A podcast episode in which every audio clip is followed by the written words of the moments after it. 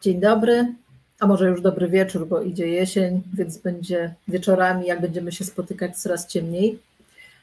Nazywam się Agnieszka Okońska. Jak co piątek o godzinie 19 wchodzimy na antenę z bardzo ciekawymi osobami. Tak się ostatnio zdarzyło, że zawsze są to kobiety, ale może i dobrze, e, bo chcemy powiedzieć, e, pokazać, jak dużo mamy do zaoferowania.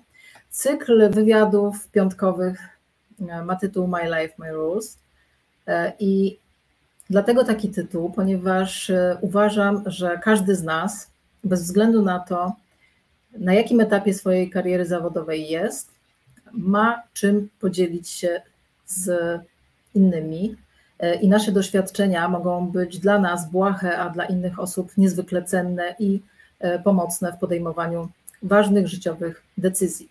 Nadajemy dzisiaj na fanpage'u, na Facebooku, na LinkedInie i na YouTubie, jak zawsze. Dajcie znać, że jesteście z nami, będzie nam raźniej, a moim gościem dziś będzie niezwykła kobieta, jak zawsze. Ja mam same niezwykłe kobiety, tutaj zapraszam do swojego studia. Natalia Kazik jest lektorem języka angielskiego. E, dla mnie niezwykłym lektorem, e, bo wydaje mi się, że każdy musi dopasować sobie. Natalia jest też moim lektorem i takiego lektora nigdy jeszcze w życiu nie miałam. Takie krótkie mm, przywitanie. Natalia, mm, zawsze proszę swoich gości, żeby przedstawili się samodzielnie, bo myślę, że e, jesteśmy w stanie przedstawić siebie najlepiej, bo chcemy powiedzieć o sobie to, co chcemy przekazać. Więc e, scena jest Twoja. E, powiedz nam coś o sobie, przedstaw się. Agnieszko, przede wszystkim dziękuję Ci za zaproszenie i bardzo się cieszę, że mogę dzisiaj się podzielić troszeczkę swoją historią tak jak powiedziałaś, jestem lektorem języka angielskiego, nauczycielem języka angielskiego i to jest e, coś, co jest moją pasją i staje się moją pasją coraz bardziej, tak naprawdę każdego dnia. E, jestem lektorem, nauczycielem, ale też e, podczas tego mojego nauczania wykorzystuję coaching, wykorzystuję wiedzę o, o tym, jak nasz mózg lubi się uczyć i wykorzystuję też moje pokłady cierpliwości, poczucia humoru. I to się przydaje przy każdych zajęciach, przy każdych e, tutaj kontaktach z, mo z moimi uczniami, więc jest to moja pasja już od, od kilkunastu lat i myślę, że w najbliższym czasie nie mam zamiaru nic zmieniać, więc, e, więc czuję, że jestem w dobrym, dobrym miejscu. Potwierdzam. Natalia jest niezwykle cierpliwą osobą. Ćwiczyła to na mnie, więc wiem. Natalia, ponieważ cykl naszych wywiadów jest mm, trochę inspirowany grupą na Facebooku, którą mm, kilka miesięcy temu założyłam, Kariera Marzeń. E, a ponieważ marzeń, kariera marzeń, to mm, staram się zawsze zaczynać nasze rozmowy od pytania dotyczącego marzenia. E, a dlaczego? E, dlatego, że mm, nie zawsze robimy to, co nam w duszy gra. E, czasami wpływa na to środowisko, w jakim się wychowujemy. I moim zdaniem ostatnie nasze marzenia, które są kompletnie nieskażone oczekiwaniami otoczenia, to są marzenia z czasów naszego dzieciństwa. Wtedy, kiedy nasz umysł jest jeszcze całkowicie odporny na naciski z zewnątrz i my wiemy, kim chcemy być w życiu. To powiedz, kim ty chciałaś być w życiu, jak jeszcze byłaś taka e, surowa i, i nieułożona przez środowisko? Mhm. Wiesz, ja się zastanawiałam troszeczkę nad tymi moimi dziecięcymi marzeniami i co ciekawe, ja nie pamiętam, żebym ja marzyła o tym, aby być kimś w przyszłości. Mhm. Ja bardziej e, miałam kilka takich rzeczy, które bardzo lubiłam robić. I jedną z tych rzeczy były wystąpienia takie teatralne. Więc ja uwielbiałam być na scenie, uwielbiałam mówić, jakiś tam wyuczony tekst. E, bardzo lubiłam same ćwiczenia dotyczące mówienia, czyli takiego, takiej artykulacji mówienia wyraźnego, mówienia takiego płynnego. E, I pamiętam, że no bardzo dużą radość sprawiało mi samo uczenie się czegoś na pamięć i potem recytowanie tego. E, więc pamiętam, że to było jedną z takich rzeczy, które bardzo lubiłam robić jako dziecko. Drugą rzeczą, którą lubiłam robić, to było takie współzawodniczenie w sporcie. Uczestniczyłam -hmm. w każdych e, zawodach, które, w których miałam nadzieję, że mogę wygrać, więc to były takie moje dwa, dwie aktywności, które bardzo lubiłam. Natomiast nie, nie, nie miałam takich marzeń, żeby zostać na przykład nauczycielem czy kimś innym. Tego zupełnie mhm. nie pamiętam. Też nie pamiętam, żebym kogokolwiek uczyła za tych młodzieńczych lat. Nie miałam takiej, nie wiem, grupy e, kolegów ze szkoły czy koleżanek, których, e, których uczyłabym czegokolwiek.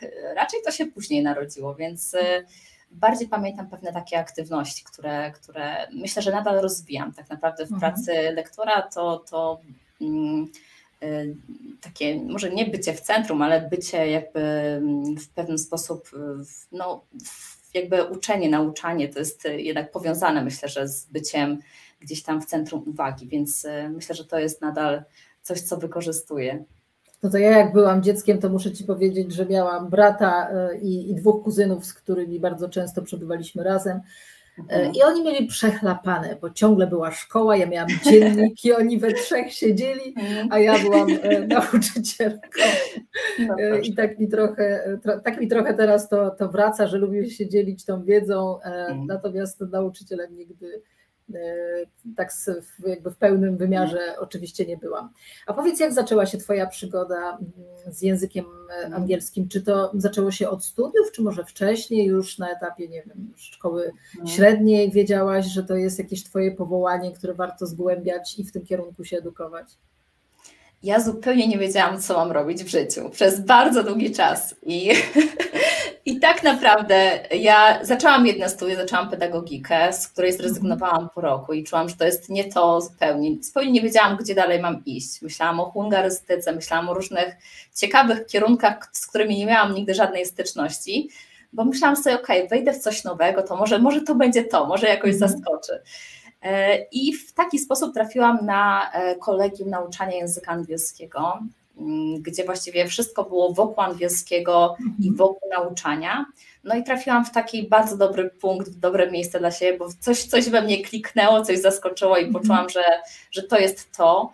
E, I właśnie w czasie tych studiów poczułam, że właśnie miałam praktyki nauczycielskie, miałam praktyk, miałam możliwość takiego zobaczenia, jak to w praktyce wygląda.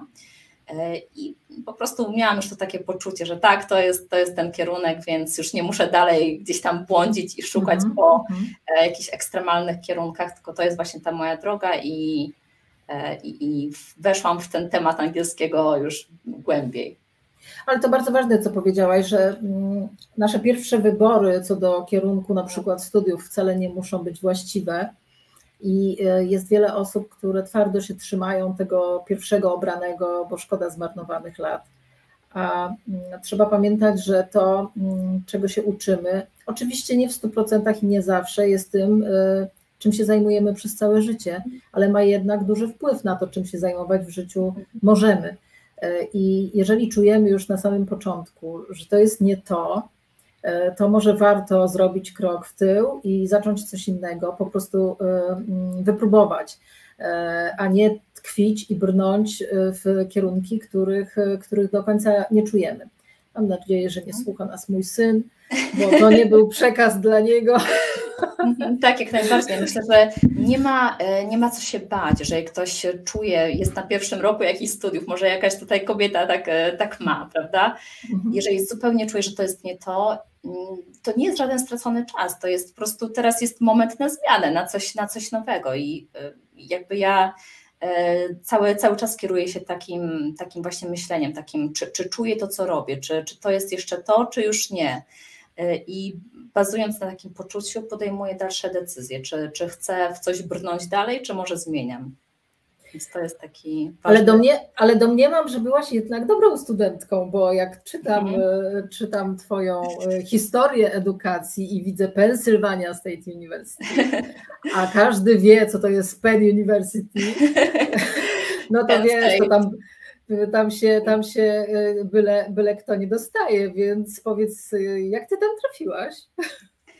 To było moje marzenie. Ja chyba bardzo dużo naoglądałam się amerykańskich filmów, gdzie widziałam te uniwersytety i, i dziesiątki studentów gdzieś tam przechadzających się po kampusach, i to chyba jakoś tak mi utkwiło w głowie, że to stało się moim takim naprawdę dużym marzeniem, żeby studiować w Stanach.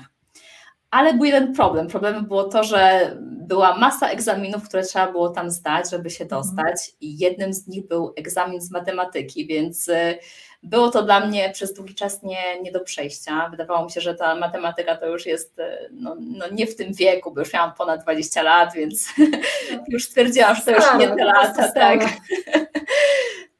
No ale w końcu przyszedł taki moment, gdzie pomyślałam, no muszę spróbować. To jest jednak tak, tak silne we mnie marzenie, że muszę to zrobić, muszę podejść do tego, do tej próby, do tego całego procesu.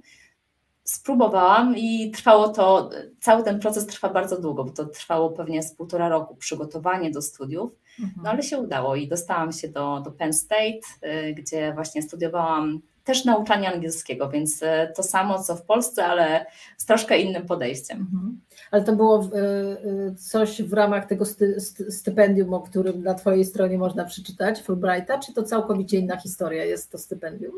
To jest ta sama historia, bo historia. tak, tak, tak, bo studia w Stanach mhm. są bardzo, bardzo drogie, bardzo kosztowne, e, więc tak, tak, więc Komisja Fulbrighta jest taką organizacją, która mm, finansuje studia i jakby to jest kolejny oddzielny proces. Są jakby kilka torów przygotowań do studiów w Stanach. Mhm. Stypendium to jest jeden z tych torów.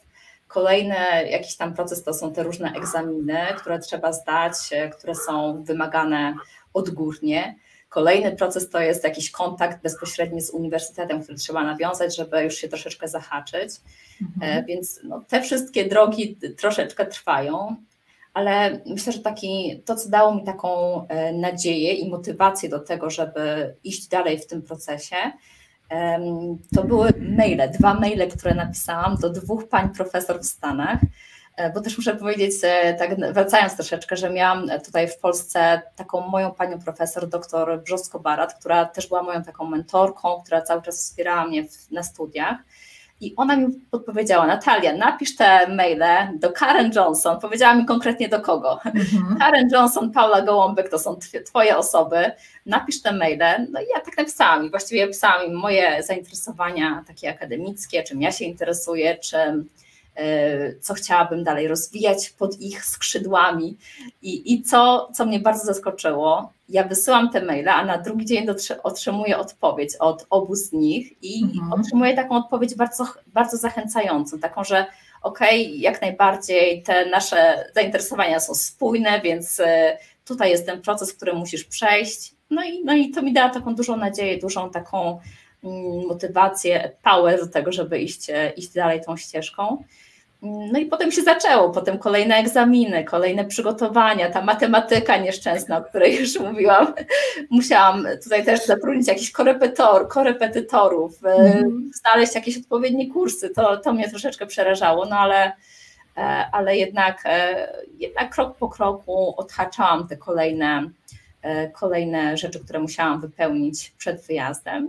I, I, proces tak dobiegł szczęśliwie końca, wyjechałam i studiowałam no to też dowodzisz tylko tego, o czym ja jak mantrę powtarzam, że cel, jakby marzenia to jest cel z długim okresem realizacji, który mm. trzeba podzielić na mniejsze i po prostu z determinacją mm. i wielkim uporem e, brnąć i nie poddawać się i nie robić, e, nie robić kroków w tył, jeżeli nam coś nie pójdzie, tylko po prostu obchodzić i mhm. szukać mm. innych dróg. W międzyczasie przywitam się, jest z nami Karolina, Kasia, witam dziewczyny dziewczyny.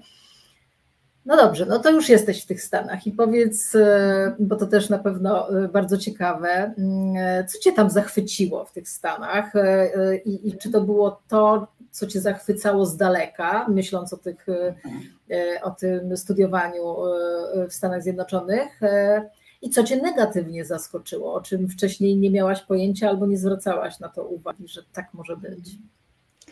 E, myślę, że przed wyjazdem do Stanów miałam bardzo taki wyidealizowany obraz tego, co będzie się działo. Znaczy, właściwie ja w moich e, wizjach widziałam, głównie jakiś budynek, uniwersytet i siebie tam gdzieś w środku, więc to była moja wizja studiowania w Stanach.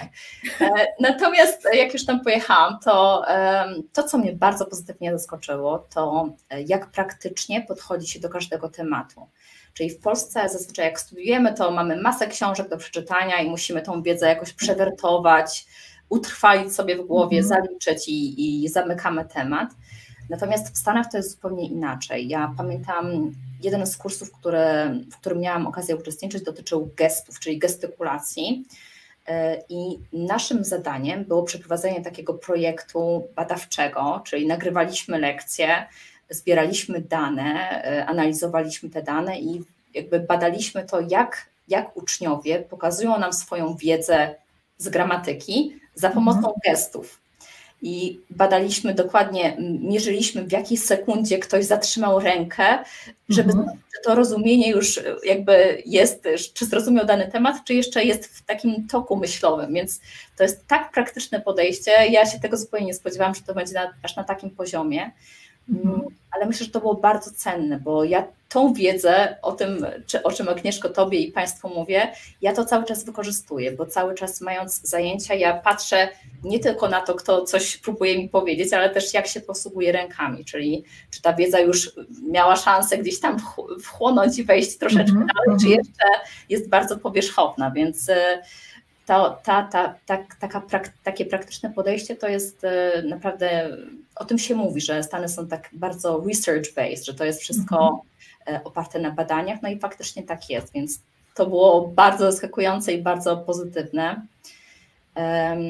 I to, i to na, praktycznie na każdym kursie, w którym miałam okazję uczestniczyć, to się pokazywało. Czyli my tam nic, nic się znikąd nie uczyliśmy, wszystko musieliśmy, wszystkie dane zebrać, przeanalizować, wyciągnąć wnioski i stworzyć coś nowego w pewien sposób. Mhm. Więc e, to jest, e, to jest też tak, jak staram się teraz uczyć, bo teraz też ucząc nie, nie, nie wyciągam jakichś podręczników, tylko idę gdzieś do internetu i szukam jakiejś wiedzy, którą potem staram się w jakiś ciekawy sposób przekazać i ubrać i, i zainteresować. Więc... Ale to też takie, takie podejście bardzo psychologiczne, właśnie coachingowe, chyba tam sprzedawano Wam, bo coaching też ze Stanów do nas przyszedł, więc myślę, mhm. że, że w takich metodach nauczania e, jakiegokolwiek tematu czy, czy zagadnienia pewnie, pewnie te metody wykorzystują na co dzień i warto od nich e, korzystać.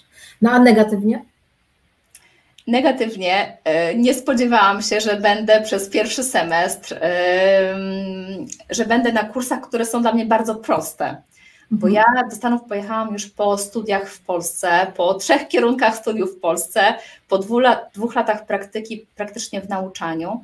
Więc te pierwsze kursy, na których, e, w których uczestniczyłam, były dla mnie proste, bo to były mhm. takie podstawy, podstawy nauczania. I miałam taki moment, w którym pomyślałam, kurczę, co ja tutaj robię? Ja tu już wszystko wiem.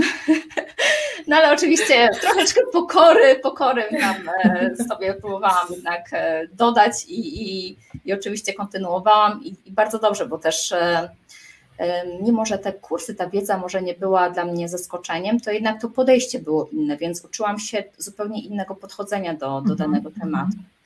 Natomiast już na kolejnych semestrach weszłam na ten wyższy poziom kursu, więc też już miałam duże wyzwanie, już zapomniałam o tych moich pierwszych, e, pierwszych bolączkach związanych z tym, że, że kursy są dla mnie zbyt, zbyt proste. Więc to było takie zaskoczenie. Kolejne to to, że w mojej grupie 90% e, studentów to by, były osoby z Chin. Więc to była bardzo taka monolityczna grupa. Mhm. E, głównie właśnie była jedna Amerykanka, reszta, reszta osoby z Chin, więc tego się zupełnie nie spodziewałam. Myślałam, że będę w gronie Amerykanów, a jednak, jednak tak nie było, ale to też było cenne doświadczenie, bo um, myślę, że te relacje z, z dziewczynami e, z Chin też były cenne, bo um, one tak bardzo, myślę, że ja w jakiś sposób starałam się też dodawać im odwagi, bo one często były takie bardziej nieśmiałe i, e, i myślę, że ta taka wielokulturowość była też też. Zostały, zostały jakieś znajomości z tych czasów? E, zostały, ale z jedną Amerykanką. Mhm. Tak.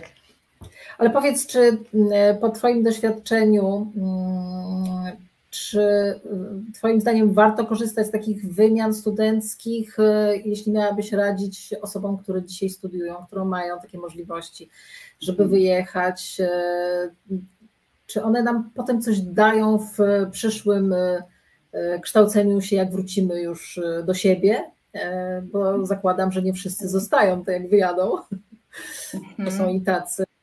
Czy, czy warto korzystać z tego? jak najbardziej warto, ale też nie można liczyć, że ktoś na nas czeka z otwartymi rękami po powrocie, bo na mnie też nikt nie czekał. Ja, ja potem wracając do Polski, e, tak naprawdę budowałam w pewien sposób wszystko od nowa, bo mhm. nie miałam tutaj gotowej pracy, gotowej jakiejś, nie wiem, miejsca, gdzie ktoś by mnie zatrudnił. E, bo też moim celem nie było pracowanie na uniwersytecie, -hmm. tylko jednak mm. na własną rękę, więc e, myślę, że jadąc tam nie można oczekiwać, że po powrocie będzie tutaj wszyscy nam, wszyscy nas będą chcieli zatrudniać. Natomiast czy warto? Jak najbardziej warto. Jedną rzeczą jest to, że sam wyjazd, sama ta wiedza, którą tam nabywamy, jest bardzo cenna, ale to, co jest jeszcze bardziej cenne, to cały ten proces, który trzeba przejść, żeby się tam dostać, wszystkie te problemy, które trzeba, e, jakby, z którymi się trzeba zmierzyć, to myślę, że one są najcenniejsze, bo dzięki pokonywaniu tym, tych wszystkich e, trudności jakoś się rozwijamy, więc e, z tego powodu myślę, że jak najbardziej warto i te problemy powinny być. To nie powinien być prosty proces dostawania się na studia w Stanach, bo jakby był prosty, to to też by nie miało to takiego chyba sensu i kolorytu.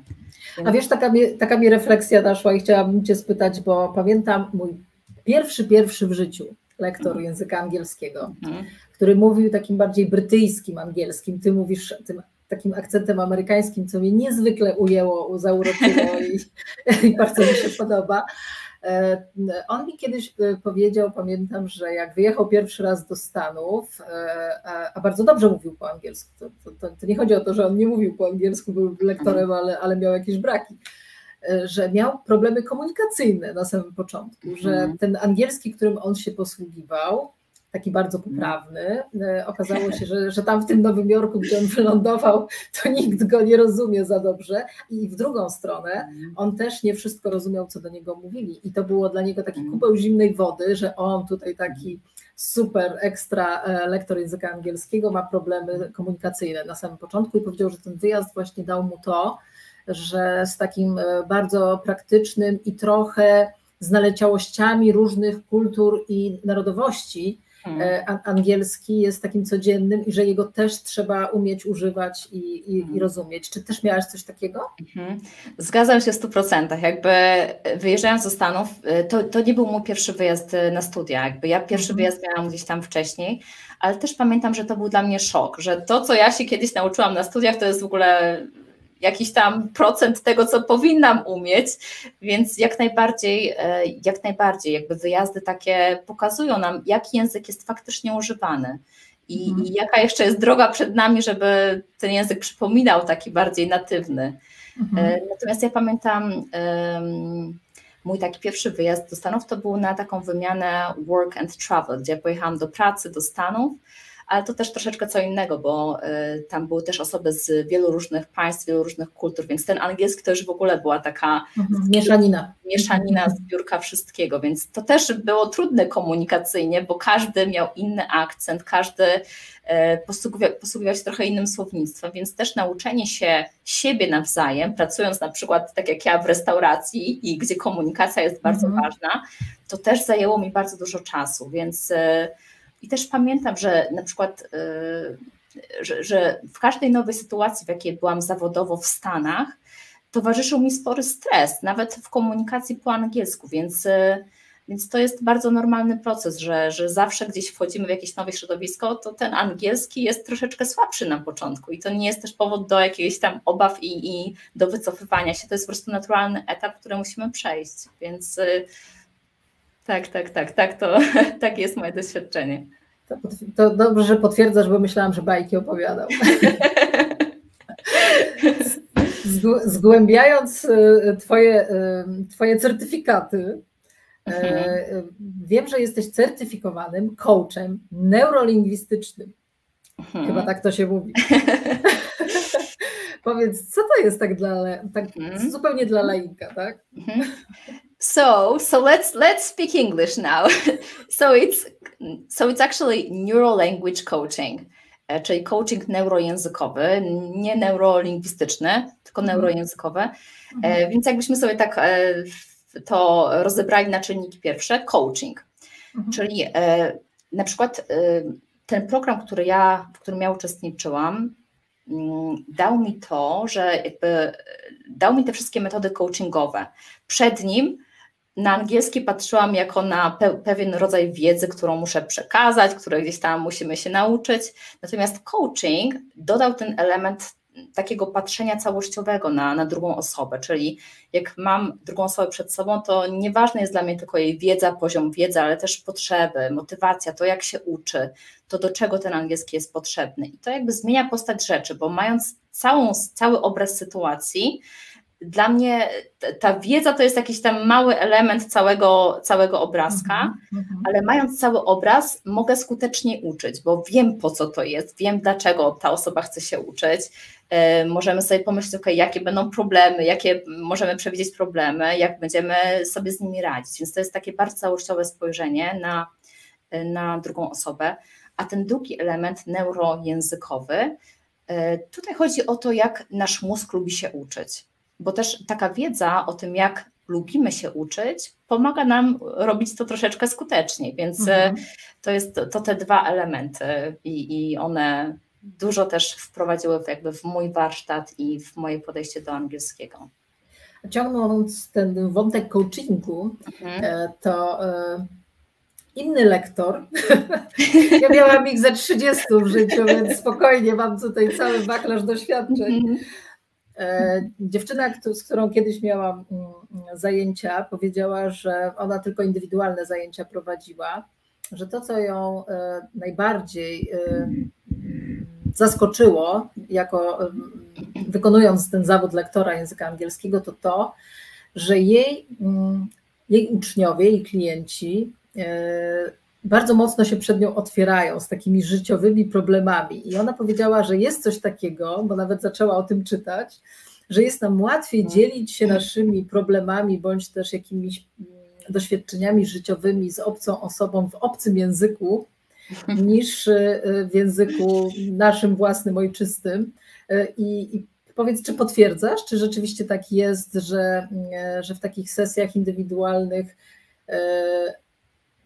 jeśli możesz oczywiście, bo, bo może nie chcesz na, to odpowiadać, e, że jest coś takiego, że w języku obcym otwieramy się bardziej opowiadając o swoich sprawach? Hmm. Bo one inaczej, inaczej brzmią? tak, tak, tak. Hmm. Ciekawe pytanie. Moje, moje zajęcia nigdy nie są, nigdy nie są taką, e, nie wiem, sesją, gdzie rozmawiamy o problemach danej osoby i staramy się je rozwikłać. Myślę, że często zdarza się, że ktoś dzieli się jakimś problemem, ale bardziej są w obszarze angielskiego, że coś, coś jest w obszarze angielskiego, mhm. jakaś trudność, e, może nie ze zrozumieniem czegoś, ale na przykład mhm. z całym stresem związanym, związanym z używaniem angielskiego.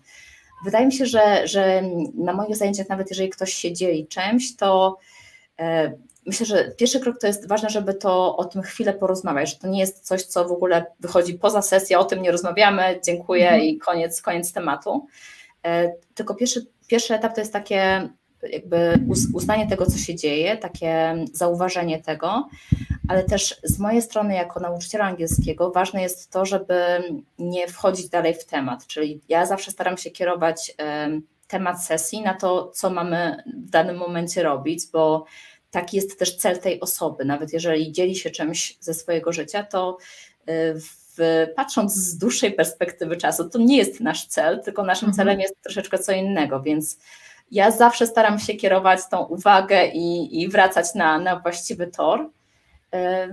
I jakby takie mam podejście. Raczej, raczej nie spotkałam się z, takim, z taką sytuacją, żeby ktoś faktycznie dzielił się ze mną swoimi e, problemami, jakimiś poważnymi problemami podczas, mhm. podczas zajęć. Okay. Mhm. E, jak już powiedziałam, ja, ja sama miałam wielu, e, wielu lektorów, więc zakładam, że jest duża konkurencja w tej branży, że, że jest dużo osób, które zajmują się na, nauczaniem w ogóle języków obcych, ale języka angielskiego w szczególności.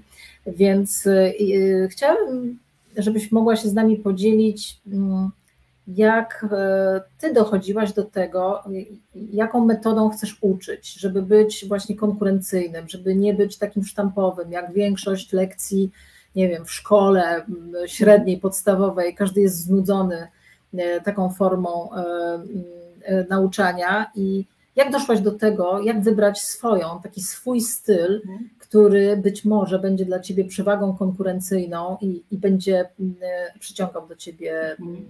twoich uczniów? Mhm. E, wiesz, Agnieszko, wydaje mi się, że to była bardzo taka długa droga, że pierwsze, pierwszą taką rzeczą, którą ja robiłam, to bardzo dużo uczyłam, więc miałam bardzo dużo zajęć, bardzo dużo uczyłam w różnych, e, w różnych miejscach, e, pracowałam z różnymi osobami. I myślę, że to doświadczenie też pokazało mi, co lubię, a czego, czego nie lubię, mhm. w jaki sposób lubię pracować, z kim lubię pracować ale to, to nie stało się jakby z dnia na dzień. Myślę, że to trwało na pewno z 5-6 lat, gdzie, gdzie nabywałam e, doświadczenia, gdzie uczyłam e, przez wiele, wiele godzin codziennie. E, I, i to był taki pierwszy, pierwszy etap.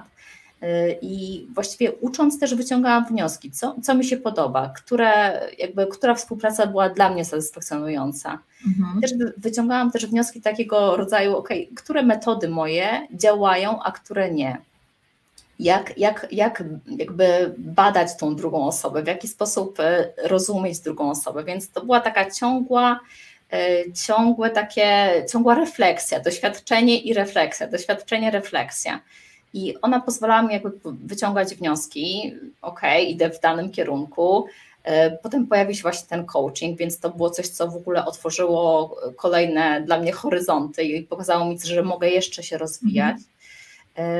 Więc, więc cały czas to było to doświadczenie, kolejne, kolejne nabywanie kolejnych, e, kolejnych e, umiejętności.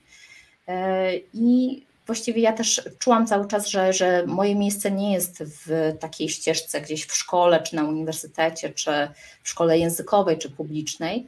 Więc wiedziałam, że muszę cały czas myśleć o czymś kolejnym, o czymś mhm. innym. I też taka decyzja o tym, że, że moje miejsce nie jest w szkole, spowodowała, że musiałam e, nabywać tej wiedzy też takiej biznesowej i marketingowej. Musiałam myśleć, ok, to w jaki sposób ja mam szukać tych klientów, co ja mam robić, żeby, e, żeby faktycznie nie musieć iść do miejsca, do którego nie chcę iść. Więc mhm. cały czas to było takie e, badanie, uczenie się na kolejnych klientach, odkrywanie, co, co mi odpowiada, a co, a co nie. No właśnie, czy trudno jest pozyskiwać klientów w związku z tym, że jest duża konkurencja? Z mojego doświadczenia, na początku było mi bardzo trudno. Na początku, e, gdy zaczynałam w ogóle moją działalność, e, myślałam, że to jest w ogóle niemożliwe, żeby zdobyć klienta nie pracując w szkole językowej, bo e, pracując jakby jest bardzo wielu lektorów, którzy mają własne działalności, ale pracując, mhm. pracują ze szkołą językową, czyli jakby szkoła językowa zapewnia tych klientów, nie muszą zastanawiać się, w jaki sposób ich zdobyć. Mhm. I przez bardzo długi czas ja myślałam też, że, że to jest jedyny sposób dla mnie, który, dzięki któremu będę mieć klientów. Ale jakby jeżeli okazało się w pewnym momencie, że pierwszego klienta mam, dla mnie to był pierwszy taki cel, ok, zdobyć pierwszego klienta. Jeżeli zdobędę mhm. pierwszego klienta, to, to znaczy, że to jest możliwe po prostu. Jeżeli już e, w momencie, gdy ten pierwszy klient się pojawił, to już kolejni przyszli, przyszli też e, dalej, więc, e, więc taka, taka była moja droga. Tutaj takim miejscem, który mi bardzo pomógł, był właśnie LinkedIn, gdzie, gdzie zaczęłam krok po kroku um, pokazywać to, co robię, też na różne sposoby, czy to, czy to jakieś tam wideo, czy, czy jakieś posty.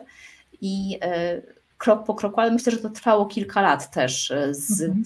gdzie doszłam do momentu, którym ci klienci po prostu przychodzili, więc e, to jest też cały czas proces, cały czas e, szukanie e, sposobu pokaza- pokazywania tego, co, co robiłam. Nie, było, nie stało się to szybko. Mhm. Ale skupiasz się tylko na jednym takim medium społecznościowym, czy, czy, czy jednak dywersyfikujesz to trochę, żeby też w różnych miejscach są różni klienci, tak? I, i pytanie, czy prowadząc e, e, nasz biznes, e, mamy swoich klientów tylko w jednym miejscu, czy możemy ich znajdować w różnych miejscach, bo w zależności od biznesu też tak się dobiera media społecznościowe, w których tych klientów się pozyskuje. Na przykład dla jakichś kontaktów biznesowych w takim twardym biznesie, to każdy mówi tam na Facebooku to nie szukajcie, bo mhm. to LinkedIn jest miejscem, gdzie klientów biznesowych się pozyskuje. E, pytanie, jak ty na to patrzysz? Które medium najbardziej konwertuje ci e, mhm. potencjalnych e, klientów, uczniów? Mhm. U mnie działa LinkedIn. Mhm. Nie działa Facebook, nie mam nic innego. działa, działa LinkedIn i. A YouTube? YouTube też słabo. Słabo. Mhm. Słabo, tak. Aha. E, jakby ja cały czas prowadziłam od samego początku i LinkedIn i, i, face, i Facebooka, natomiast Facebook z mniejszym zaangażowaniem, widząc, że jakby nie mam, nie mam tego zwrotu z, mhm. z tej mojej inwestycji czasu, mhm. skupiam się głównie na LinkedInie i e, w, to, też, to też wynika z tego, że ja podczas jakby rozwijając swoją działalność też współpracowałam z wieloma coachami i też uczyłam się od nich, jak, ten, jak tą moją działalność rozwijać. E, I właśnie jedna z takich osób podpowiedziała mi właśnie, Natalia, twoi klienci są na LinkedInie. Nie wiem, może tak zaufałam tej osobie i faktycznie mhm. zaczęłam intensywnie działać e, w, w tym miejscu i bardzo dobrze, bardzo dobrze to idzie. Mm. Ale to zgadzam się z Tobą, bo tak rzeczywiście jest i, i jakby mądrze Ci podpowiedziała ta osoba, bo, bo, bo rzeczywiście najważniejsze to przy pozyskiwaniu klientów, to tego to i ja już wiem, tego się zdążyłam dowiedzieć. E, przede wszystkim e, w sprzedaży ważne jest to, żeby wiedzieć, e, gdzie jest e, ten nasz potencjalny klient i do mhm. niego odpowiednio docierać, żeby właśnie nie przepalać naszej energii i jej mhm. e, niepotrzebnie nie, nie marnować. A powiedz, czy pandemia zmieniła coś w prowadzeniu Twojego biznesu? Czy prowadziłaś e, głównie zajęcia tak osobiście, face to face, a dopiero mhm. się do sieci przeniosłaś w czasie pandemii? Czy już wyprzedziłaś historię i, i zaczęłaś korzystać z zajęć online, zanim pandemia nas zaskoczyła i zdigitalizowała wszystkich dookoła. Mhm. Muszę przyznać, że pandemia troszeczkę zmieniła w e, mój sposób pracy, bo e, jednak ja byłam e, faworytką takiego kontaktu osobistego, czyli ja bardzo mhm. lubiłam prowadzić zajęcia osobiście. Nawet jeżeli miałam osobę, która też dawała mi wybór, możemy spotkać się online albo offline, to zależy od ciebie, to ja zawsze wybierałam ten, e, ten kontakt osobisty, bo mi się wydawało, że to jest najskuteczniejsze, że ja mhm. wtedy mogę najlepiej przekazać tą wiedzę, widząc tą drugą osobę. E, I, i tym się kierowałam przed pandemią, mm, więc oznaczało to, że często jeździłam po Warszawie do różnych firm, do różnych miejsc, czasami zapraszałam te osoby do mnie do domu więc to, y, to, to, to też zajmowało wiele więcej czasu. E, natomiast mhm. pandemia spowodowała intensyfikację mojej pracy, bo jakby miałam, mam, mam teraz możliwość prowadzenia zajęć online i teraz prowadzę zajęcia w 100% online, czyli nie mam już osób, które, które widzę osobiście. Mm, I to spowodowało, że właściwie zajęcia, e, gdzie wcześniej zajmowało mi dużo czasu dojeżdżanie, jakieś organizowanie rzeczy logistycznych, tak teraz siadając przed komputerem mogę, mogę mieć więcej sesji i układać je w sobie w grafiku tak, tak, jak, e, tak jak chcę.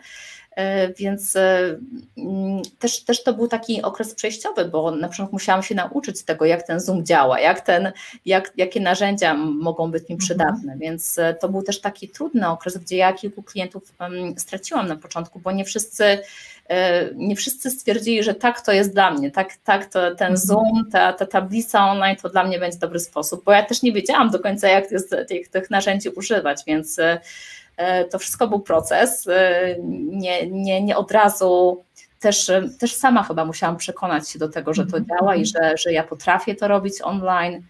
Więc e, tak, tak to. No ale teraz świat klientów stoi otworem, bo możesz mieć ich z różnych miejsc i bez względu na to, czy to są okolice Twojego miejsca, czy nie. Więc chyba to jest też potencjał na, na, na, na rozwój, na, na zwiększenie, prawda? Mhm, jak najbardziej. Liczby klientów. Jak najbardziej. Ja też nawet e, miałam kilku klientów z zagranicy dzięki temu, że, mhm. że jest, że była pandemia, bo, e, bo właśnie odezwały się do mnie osoby z Turcji na przykład, e, więc prowadziłam też takie zajęcia między, międzykulturowe i międzynarodowe, więc to też było ciekawe doświadczenie. No ale fajne też jest to, że można nagrywać te lekcje, tak? Tu nawet e, pokażę jeden komentarz e, Karoliny, że najskuteczniejsze, ale najtrudniejsze jest nagrywanie i mhm. słuchanie siebie. Mhm. Ale mam też e, pytanie od, od Kasi. Jak uporać się ze wstydem przed mówieniem po angielsku, jeśli się go nie zna dobrze? Czy masz jakąś wskazówkę? Mhm. E, no więc tak, zacznijmy od tego, nie zna się go dobrze, prawda? Więc czasami sobie mówimy, ok, ja nie znam dobrze, to znaczy właściwie jak dobrze go znam? Czy, czy potrafię sformułować zdanie, dwa zdania, pięć zdań?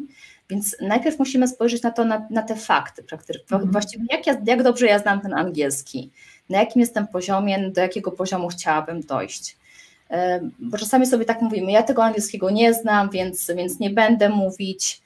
E, I to jest jakby jedna ścieżka i jedna historia, mm. którą możemy sobie powtarzać, ale z drugiej strony możemy powiedzieć, ok, ja, ja jeszcze dobrze nie znam, ale zabieram się za ten angielski, mm. zaczynam coś z nim robić. A mówienie w grupie, czy mówienie, w komunikowanie się z drugą osobą, to zawsze jest pewien stres, zawsze, zawsze musimy się zmierzyć ze swoim jakimś wstydem. E, I to jest konieczny etap do tego, żeby zbudować naszą kompetencję. Bo czasami nam się wydaje, że ja chcę przeskoczyć z mówienia z moim lektorem, który, z którym czuję się dosyć komfortowo, do mówienia komfortowo w sytuacji, gdzie jestem w pracy. Ale nie da się przekroczyć, nie da się tak po prostu przeskoczyć. Trzeba przejść przez taki etap mm, wstydu, czasami stresu, czasami e, jakichś negatywnych emocji, żeby tą kompetencję w sobie zbudować. Ten, ten okres jest też, jest też bardzo ważny. Mhm. E, wracając jeszcze do tego, co, co mm, e, Kasia zadała pytania, kontynuując, powiedz, czy my, Polacy, albo w ogóle ludzie na świecie, jak się uczą języków obcych, czy my języka angielskiego, z czym z Twojej perspektywy, jako lektora, jako nauczyciela, największe problemy mamy? Mhm. Myślę, że Polacy w ogóle mają bardzo, y, jesteśmy bardzo utalentowani, jeżeli chodzi o języki. O język angielski przynajmniej, bo to jest moja mhm. specjalizacja, ale często nie zdajemy sobie z tego w ogóle sprawy, że y, naprawdę wydaje mi się, że to jak nasze języki, tak naprawdę w, łatwo nam, Polakom, Mm, rozwinąć ładną wymowę, jeżeli ćwiczymy oczywiście. Mhm. E, bardzo jesteśmy pracowici, więc e, tą wiedzę tak naprawdę, jeżeli chcemy, to szybko nabywamy.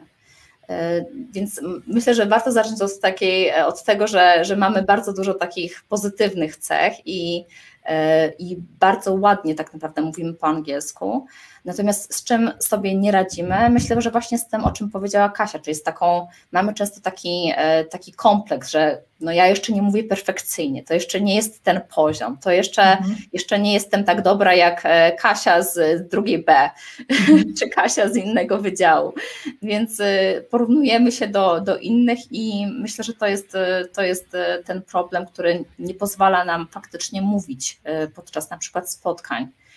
Więc to, z czym mamy problem, to właśnie takie wychodzenie z tym angielskim, odważanie się, próbowanie i popełnianie błędów. Z, z tym mamy duży problem i, i, moim właśnie takim celem jest to, żeby e, żeby kobiety głównie, ale nie tylko kobiety, żeby odważały się, odważały się mówić po angielsku w pracy, żeby robiły te, wykonywały te telefony, żeby jeździły na te konferencje, bo często jest tak, że jak zaczynam na przykład współpracę z drugą osobą, ona mi mówi, no ja angielskiego nie znam, ja nic nie powiem, ja nie potrafię, i potem zaczynamy mówić, okazuje się, że mówi bardzo płynnie, bardzo dobrze gramatycznie, tylko jakby w głowie ma takie przekonanie, że to jest jeszcze nie tak. Mhm. E, I to jest dla mnie, to jest dla mnie po prostu, ja jak słyszę coś takiego, to jest mi tak przykro, że ta osoba nie mówi na tych spotkaniach, że, że się nie odważa z takim angielskim, bo przekonała samą siebie, że to jest jeszcze nie, niewystarczająco dobre, więc E, więc ja naprawdę zachęcam kobiety i nie tylko kobiety do tego, żeby się odważać, żeby mówić, żeby,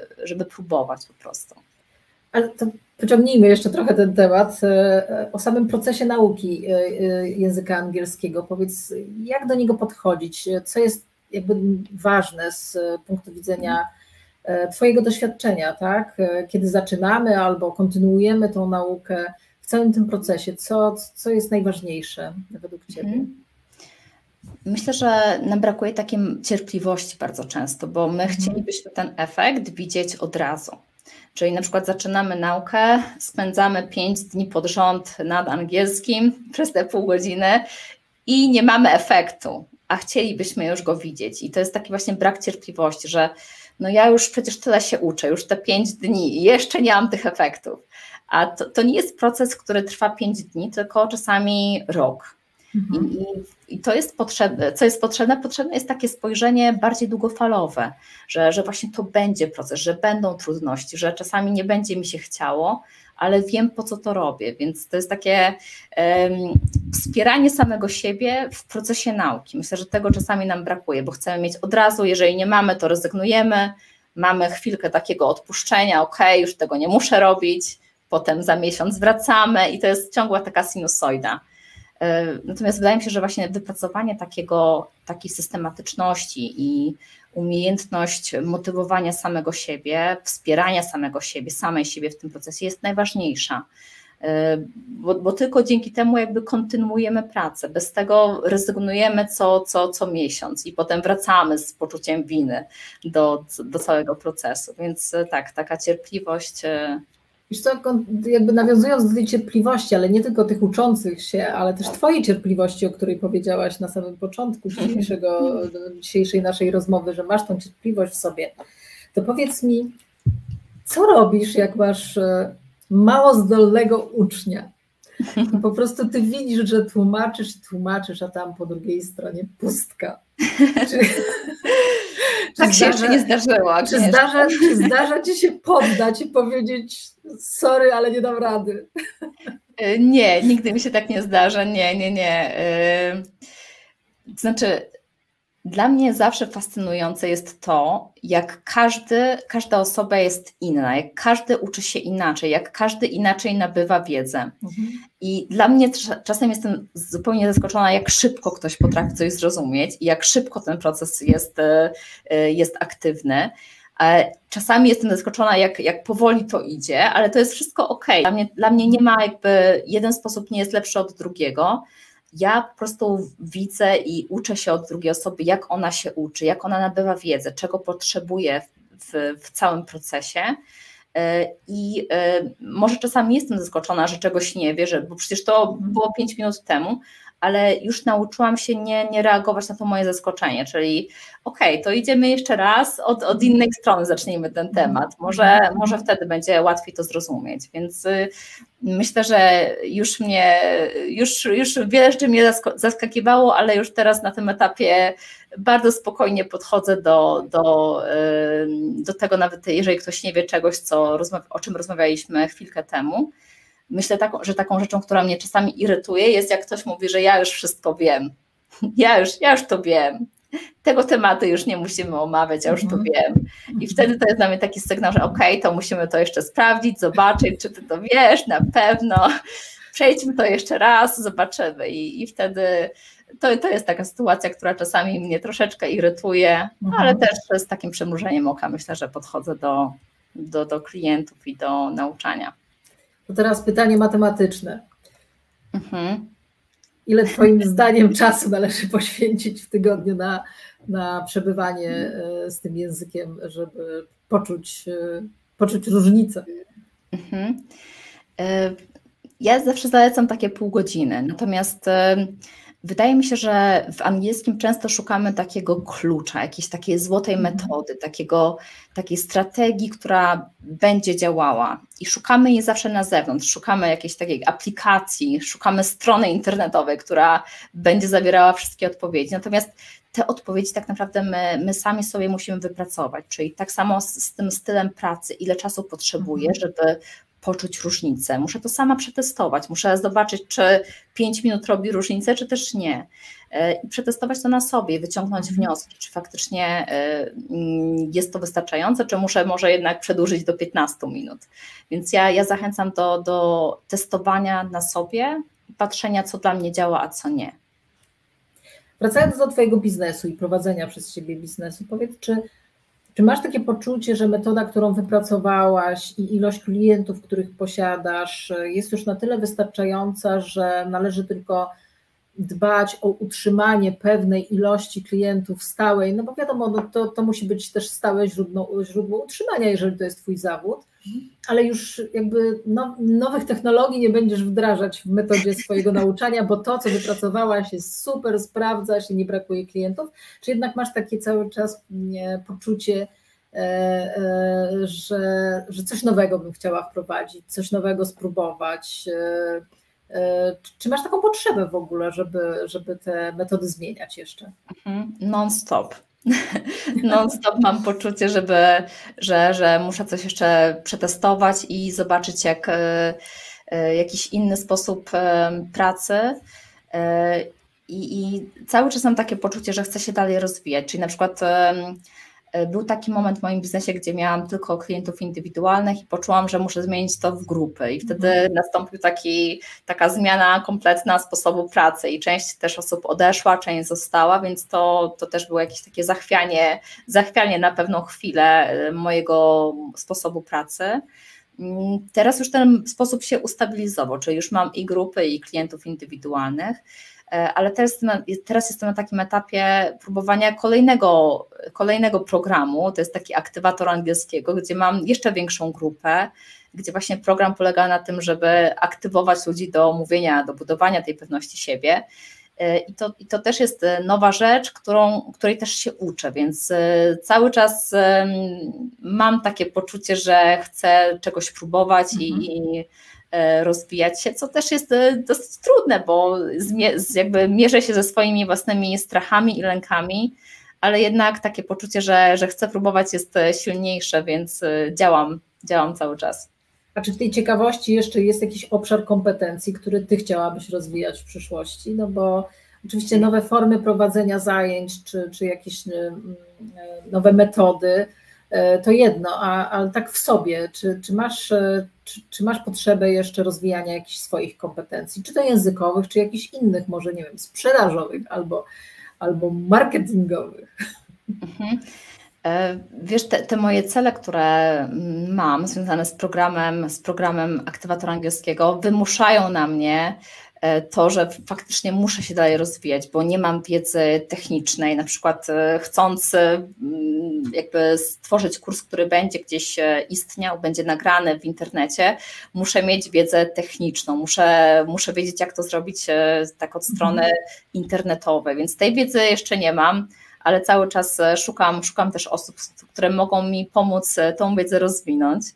E, marketingowo także będzie to wymagało ode mnie większej, większego pokazywania się, większej aktywności, być może szukania też sposobów e, reklamowania tego, co robię. Więc to jest kolejny obszar do pracy.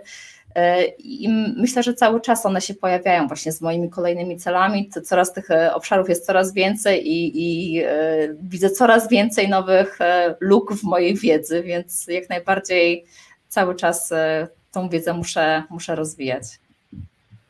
Powoli zbliżamy się do końca, przynajmniej do końca listy moich pytań, więc jeżeli ktoś z Was oglądających chce jeszcze zadać pytanie Natalii, to jest ten moment. E, co nie znaczy, że później po transmisji, jeżeli coś się znajdzie jeszcze w komentarzach, e, to, to postaramy się do tego też sięgnąć i, e, i tu namówię Natalię do odpowiedzi offline'owo.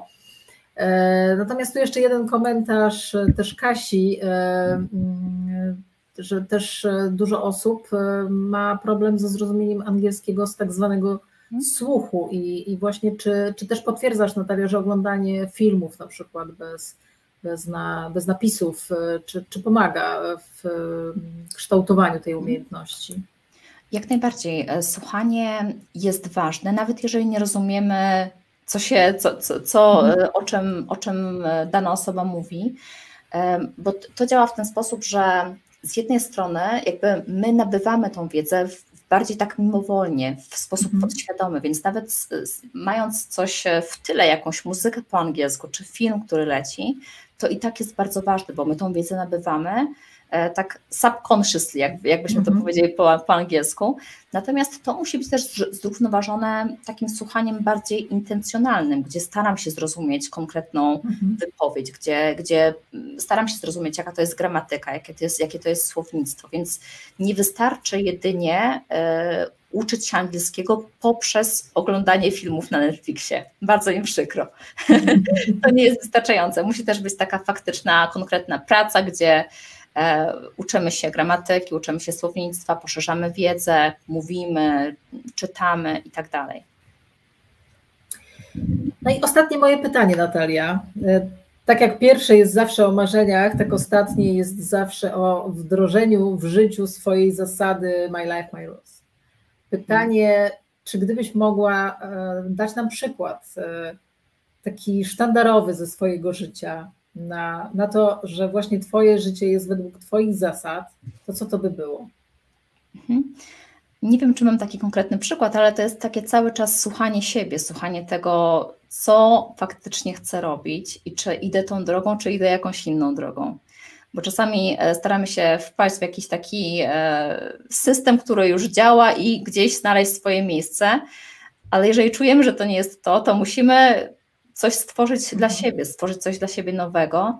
I myślę, że ta moja, moja droga jest takim troszeczkę tworzeniem czegoś dla siebie i mimo, że nie mam e, jakiejś takiej utartej ścieżki, to, to staram się tą ścieżkę tworzyć i jest przy tym dużo strachu, dużo czasami stresu i lęku, ale, ale jestem zadowolona, więc e, polecam życie zgodne z zasadą My Life, My Rules. Jest to fajne, fajne motto i fajne hasło. Natalia, bardzo serdecznie Ci dziękuję. E, jak zawsze było niezmiernie miło z Tobą rozmawiać, tym bardziej po polsku. Mam nadzieję, że dla wszystkich, którzy nas słuchali, oglądali i którzy będą jeszcze mogli obejrzeć retransmisję, też będzie to inspiracyjne i, i ciekawe. E, a jeszcze jedno pytanie. E, Kasia jest y, zawsze naszą aktywną słuchaczką, y, więc y, pozwolę sobie jeszcze na koniec jej pytanie tutaj pokazać, gdybyś mogła cofnąć się w czasie. Czy coś zrobiłabyś inaczej? Mhm. E, Kasi, dziękuję za pytanie. E, ja do, szukając na początku swojej drogi, chciałam iść utartą ścieżką i cztery razy zatrudniłam się w szkołach publicznych i po miesiącu z większości z nich rezygnowałam, więc wypowiedzenie było zazwyczaj po miesiącu, ale musiałam to zrobić cztery razy, żeby przekonać się, że to nie jest ta droga, więc myślę, że e, gdybym mogła cofnąć czas, może po pierwszej szkole publicznej bym e, zrezygnowała i już nie próbowała kolejny raz iść tą samą ścieżką, myśląc, że będzie inny efekt, e, więc pewnie to byłoby to. Super. Jeszcze raz dziękuję Ci bardzo, Natalia. Dziękuję wszystkim, którzy z nami byli, bo piątki e, o godzinie 19 są jednak wyzwaniem, bo każdy już piątek, piąteczek, piątunio i myśli o wolnym, więc zawsze jestem Wam wdzięczna, że jesteście z nami. E, życzę wszystkim e, spokojnego weekendu i dobrych wrażeń po naszej rozmowie. Ja również bardzo dziękuję Agnieszko i dziękuję Ci za tą możliwość podzielenia się troszeczkę moją historią. E, i też za Twoje pozostałe wywiady, bo też wszystkie są bardzo inspirujące i e, pokazują, jak można działać według własnych zasad. Więc ja Tobie bardzo dziękuję i Państwu także za, za czas. Do usłyszenia i do zobaczenia za tydzień.